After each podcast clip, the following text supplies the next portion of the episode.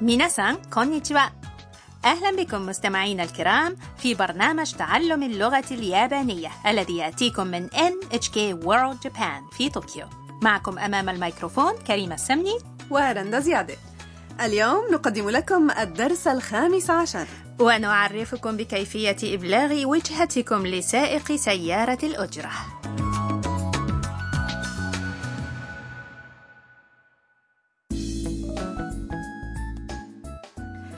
وصلت المصورة الصينية ميا إلى محافظة ناغانو لتصوير ينابيع المياه الساخنة وحالا ستستقل سيارة أجرة. ومقصدها بالتحديد هو جيغوكو داني ياينكوين المعروف عالميا بوصفه المكان الذي يمكن فيه رؤية القرود التي تغوص في المياه الساخنة شتاء تعالوا إذا نستمع إلى حوار الدرس الخامس عشر. どちらまで猿の温泉までお願いしますはいわかりました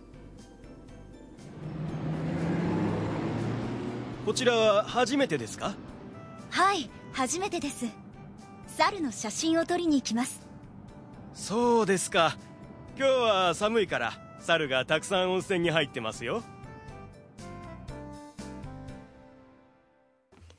إليكم المعاني سائق سيارة الأجرة يسأل どちらまで إلى أين؟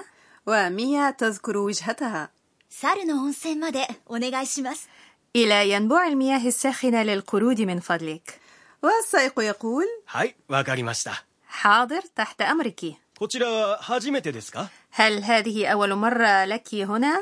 وميا تجيب はい初めてです نعم أول مرة 猿の写真を撮りに行きます سأذهب لالتقاط صور القرود والسائق يقول そうですか آه هو كذلك 今日は寒いから猿がたくさん温泉に入ってますよ الجو بارد اليوم لذا فإن قرودا كثيرة ستكون في الينبوع الساخن القرود التي تستمتع بالغوص في العيون الساخنة هي من نوع المكاك الياباني ومشهورة في الخارج باسم سنو مونكي الحديقة موجودة في عمق الجبال وفي الشتاء يتطلب الوصول إلى هناك نحو نصف ساعة سيرا على الأقدام بعد النزول من الحافلة أو سيارة الأجرة. وهو مشوار صعب في حالة تراكم الثلوج ولكن ذلك لا يمنع الكثيرين ممن هم مستعدون لخوض المشقة لرؤية تلك القرود.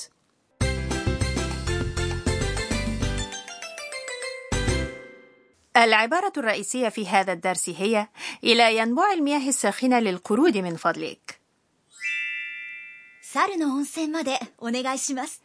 بمعرفة تكوين هذه الجملة سيمكنكم إيصال وجهتكم لسائق التاكسي. إليكم أولا معاني كلمات الجملة. يعني ينبوع المياه الساخنة للقرود. هو القرد أو القرود هو ينبع المياه الساخنة والرابط بينهما هو نو وهو حرف مساعد يربط بين اسمين بحيث يكون الاسم الأول وصفا للاسم الثاني وليس العكس كما هو الحال في اللغة العربية. مادة يعادل حرف الجر حتى في العربية. يعني من فضلك أو أرجوك وهو تعبير يستخدم عند طلب شيء من شخص آخر. النقطة الأهم في هذه العبارة هي أننا نذكر المكان الذي نقصده أولا ثم نضيف إليه まで ثم نقول お願いします استمعوا ورددوا お願いします猿の温泉までお願いします猿の温泉までお願いします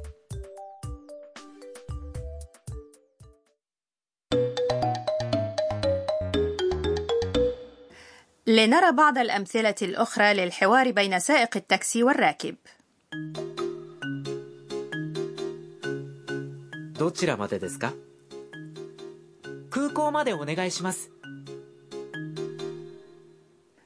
إليكم المعاني.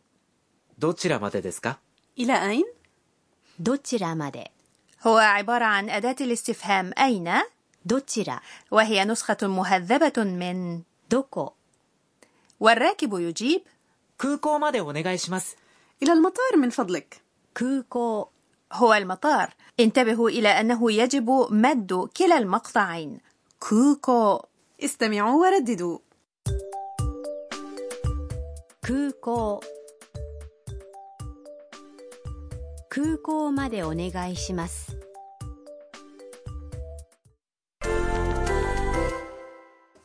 والآن الدور عليكم أيها المستمعون. ركبتم سيارة أجرة للذهاب إلى برج طوكيو سكاي تري وينطق باليابانية هكذا. طوكيو سكاي تري. طوكيو سكاي تري.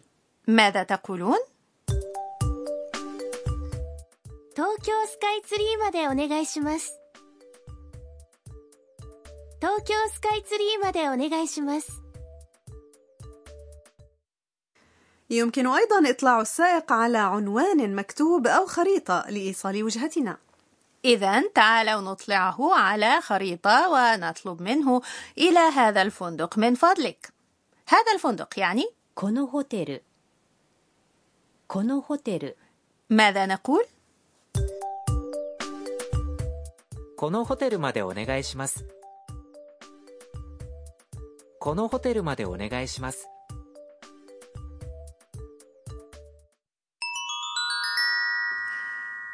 يمكن استخدام お願いします عند طلب أشياء مختلفة نذكرها قبل أن نقول العبارة مثلا نريد القيام بإجراءات المغادرة ودفع الفاتورة في الفندق ماذا نقول؟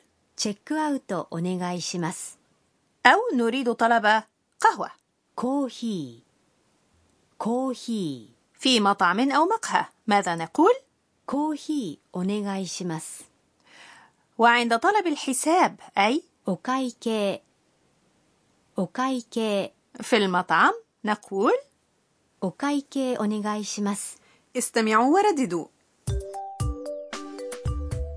チェックアウトお願いします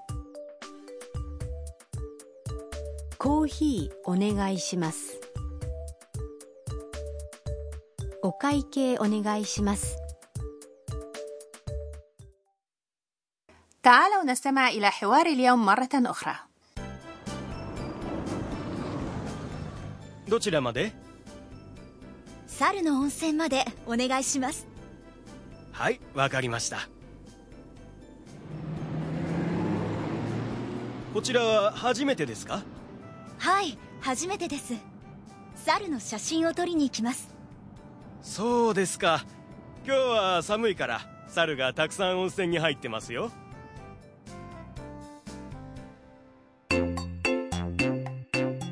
さんの知恵袋 الفقرة التالية هي حقيبة نصائح هاروسان واليوم نتحدث عن سيارات الأجرة أو التاكسي في اليابان أجرة التاكسي محددة حسب المسافة وهناك عداد يوضحها وبالتالي لا حاجة للتفاوض مع السائق على المبلغ ولا حاجة لتقديم بخشيش وأين يمكن ركوب التاكسي؟ أغلب المطارات ومحطات القطار والفنادق والمعالم السياحية توجد فيها أماكن مخصصة لركوب سيارات الأجرة.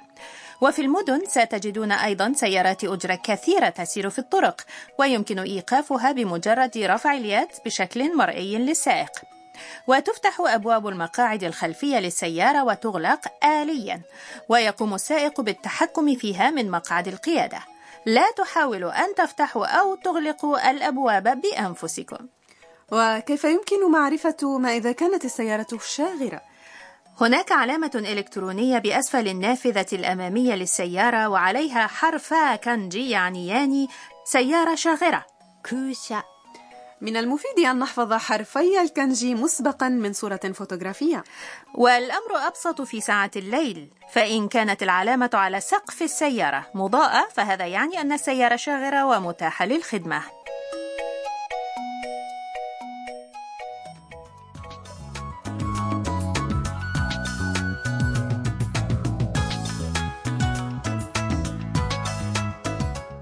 وصلنا إلى نهاية هذا الدرس من تعلم اللغة اليابانية. جاءكم من NHK World Japan.